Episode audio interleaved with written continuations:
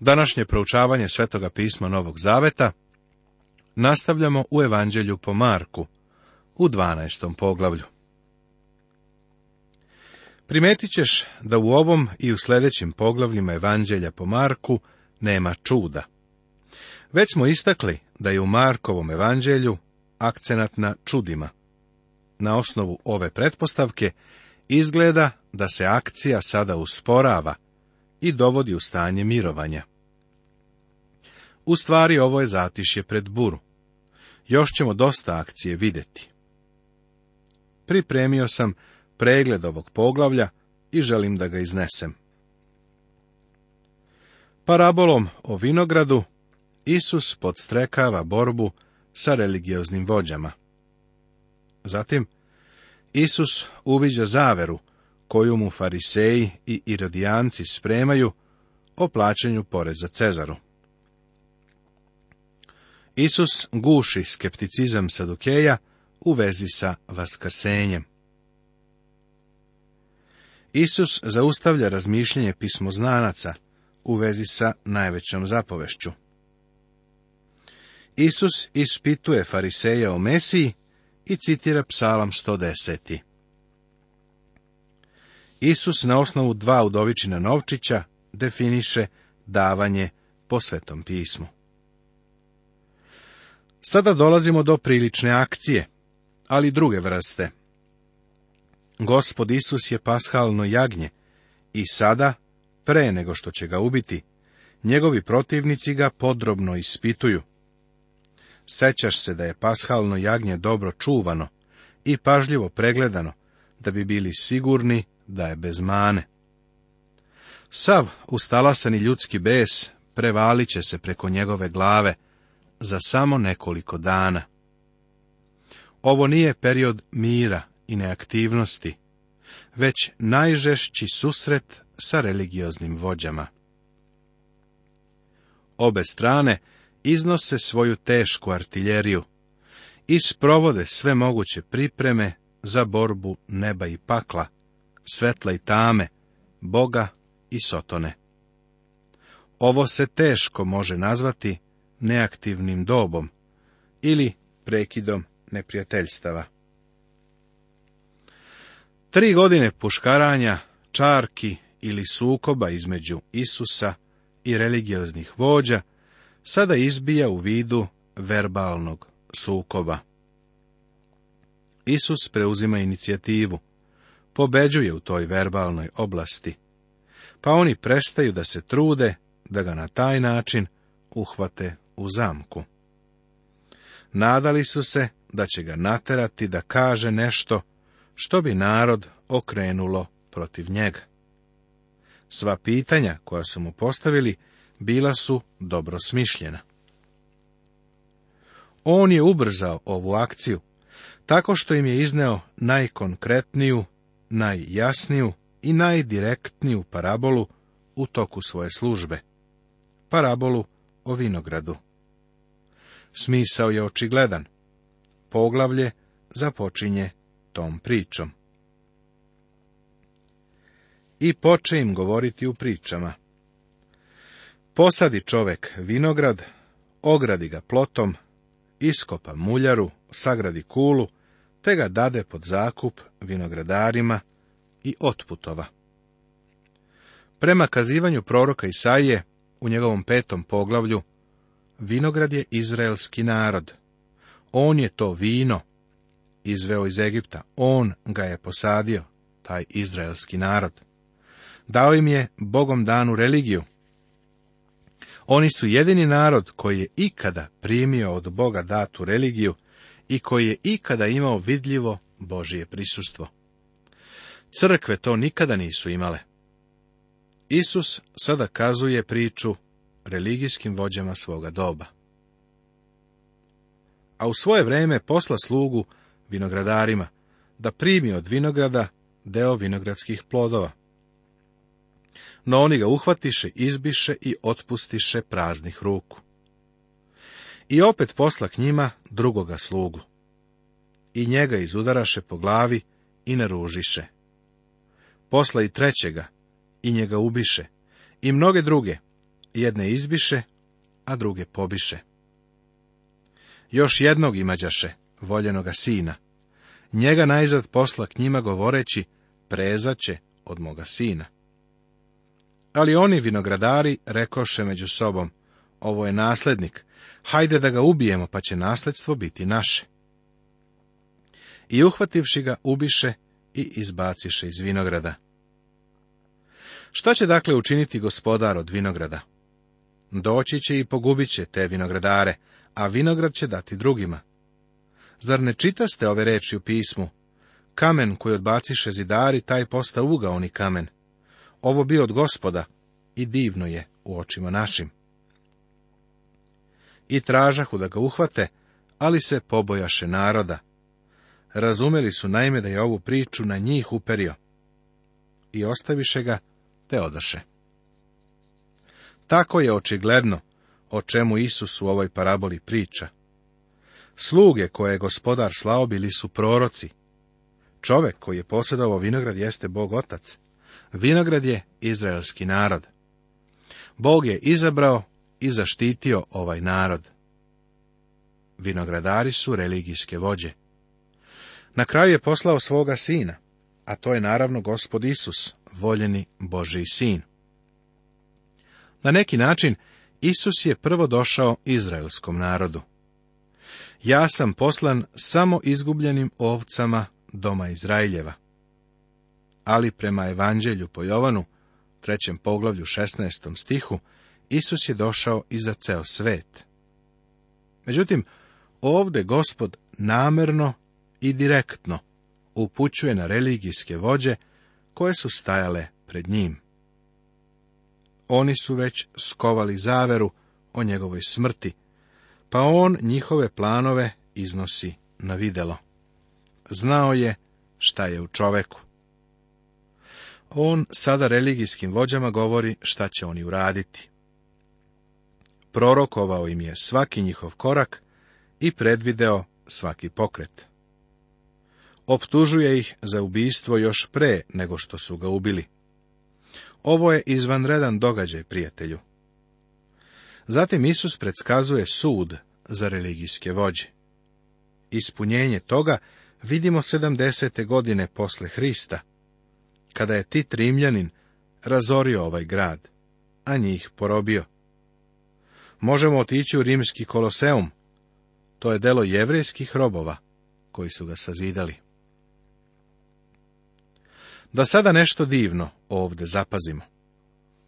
Kamen koji odbaciše zidari, taj posta ugaoni kamen. Ovo kao da su dve priče u jednoj. Priča o vinogradu i o kamenu. Hristos je bio kamen spoticanja i stena sablazni za religijske vođe.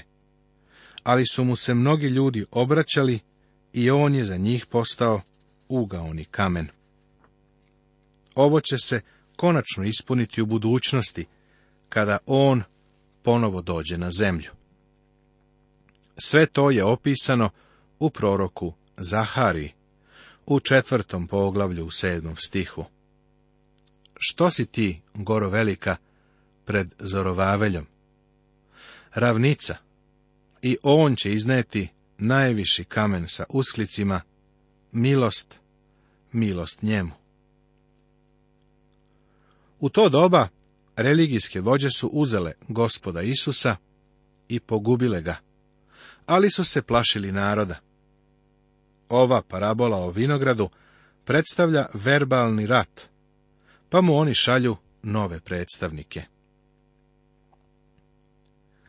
i poslaše k njemu neke od fariseja i irodovaca, da ga uhvate u reči.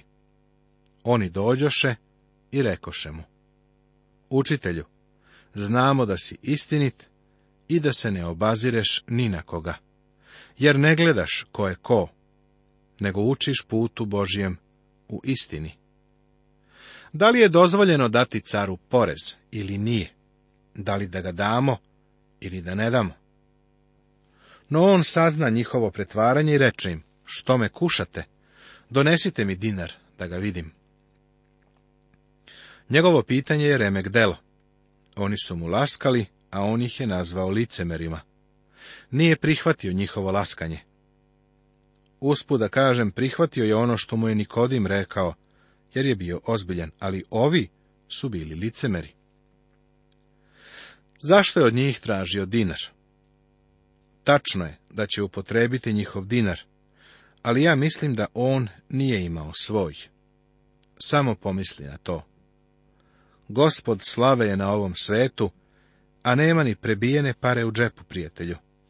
Možeš li to da zamisliš? Kako je bio divan. Nije imao ni dinar, nije imao ni kreditne kartice u džepu. Zato je jednostavno od njih tražio dinar i oni su mu dali a oni donesoše. I reče im, čiji je ovo lik i natpis? Oni pak rekoše, carev. Isus im reče, dajte caru carevo, a Bogu Božje. I divljahu mu se. Oni su njemu dali dinar, a on je njima postavio pitanje. Vidiš, da im je odgovorio da treba da plate Cezaru porez, to bi značilo da Cezara stavlja ispred Mojsija i ispred Mesije. A da je rekao da ne treba da plate porez, bio bi kriv za pobunu protiv Cezara. Mislili su tako da ga uhvate u zamku, ali nisu. Morali su da se dive njegovom odgovoru. Njegov odgovor otkriva da dete Božje ima dvostruku odgovornost, odnosno čak i više nego dvostruku. Pre izvesnog vremena jedna osoba mi je rekla da mu je otac u bolnici, a da je majka veoma bolesna, ali da je on ipak ostavio neki novac na stranu kao prilog crkvi. Dok sam se dalje za sve to interesovao, čovjek mi je rekao da su mu roditelji u ozbiljnoj potrebi, i da će morati da prihvate socijalnu pomoć ukoliko ih on ne zbrine. Ja sam mu tada objasnio da je on odgovoran za njih. Imamo neke čudne ideje o pobožnosti u današnje vreme. Imamo odgovornost i prema našoj vladi.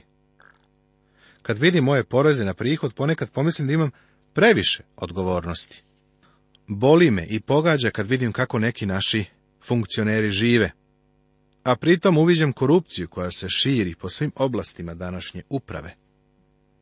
Moram priznati da tada ponekad oklevam da platim svoj porez na prihod.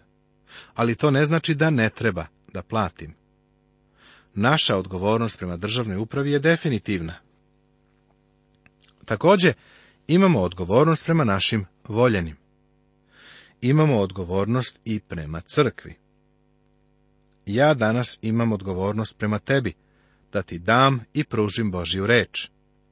Svi mi imamo svoje odgovornosti i o tome je gospod govorio. Prema Cezaru imaš odgovornost. Izmiri tu odgovornost. Ali to te ne oslobađa odgovornosti prema Bogu. Kakav divan događaj. U stvari, Isus ovaj događaj pretvara u parabolu. Dajte mi dinar. Sa tim dinarom on je prikazao veliku istinu. Dinar ima dve strane. Postoje dve oblasti života u kojima imamo odgovornost. Čovjek ima zemaljsku ili fizičku, kao i duhovnu ili nebesku obavezu. Nebeski građani ovdje na zemlji plaćaju porez hodočasnici ovde na zemlji treba da svoje večno blago ulažu u nebo. Tako vidiš kako je Isus učutkao Irodovce koji su želeli da Irodov dom bude moćan. I dođoše k njemu sadukeji, koji govore da nema uskrsa, te ga pitahu govoreći, učitelju, Mojsije nam natpisa, ako kome umre brat i ostavi ženu, a ne ostavi deteta, da brat njegov uzme ženu i podigne potomstvo svome bratu. Sjetit ćeš se da su Sadukeji bili tadašnji liberali. Poricali su sve što je nadprirodno. Ali ono što su izjavili, bilo je tačno. Pozivali su se na osvetnika onako kako je on ilustrovan u knjizi o Ruti. Znali su šta pišu u Svetom pismu. Beše sedmoro braće, prvi uze ženu ali umre i ne ostavi potomstva. I drugi je uze umre i ne ostavi potomstva. I treći isto tako i sedmorica ne ostaviše potomstva. Posle svih umre i žena. Zar ovo nije smešna ilustracija? Baš bi mogla da se iskopira danas u Hollywoodu ili u nekom našem savremenom društvu, ali je stvarno smešna. Tako evo njihovog pitanja o uskrsu, kada vaskrsnu, kojega će od njih ona biti žena? Jer su je sedmorica imali kao ženu. Reče im Isus, ne varate li se zato što ne znate pisma ni sile Božje? Rekao bih da je danas vrlo teško sa onima koji su tako kritički nastrojeni prema svetom pismu. Oni ne poznaju ni pismo, ni silu Božju zapažam da upravo ovde imamo pomoć za suzbijanje rasta populacije, ali neki smatri da se to protivi Bibliji. Bog je rekao Adamu, budite plodni i množite se. Istina je da je Bog to stvarno rekao Adamu, ali nije rekao današnjim Adamima. Nije se obraćao današnjoj generaciji. Da ste ti i tvoja supruga jedini par na zemlji, pretpostavljam da bi i vama on ovo rekao. On je to isto ponovio i Noju, kada je Noje bio tako usamljen sa svojom porodicom. I kada nikoga drugog na zemlji nije bilo. Ali on to nije ponovio nama danas. Ovo čak nije upućeno ni hrišćanim. Sve ovo samo ukazuje na strašno nepoznavanje Biblije, pa ipak ti ljudi govore o Bibliji, a trebalo bi da čute. Gospod je tako Sadukejima rekao da ne znaju dve stvari. Nisu poznavali sveto pismo i nisu poznavali silu Božju. Jer kad vas krsnu iz mrtvih, niti se žene, niti se udaju, nego su kao anđeli na nebesima. Ovo ne znači da čovek i žena, koji su ovdje dole na zemlji zajedno, neće biti zajedno u nebu.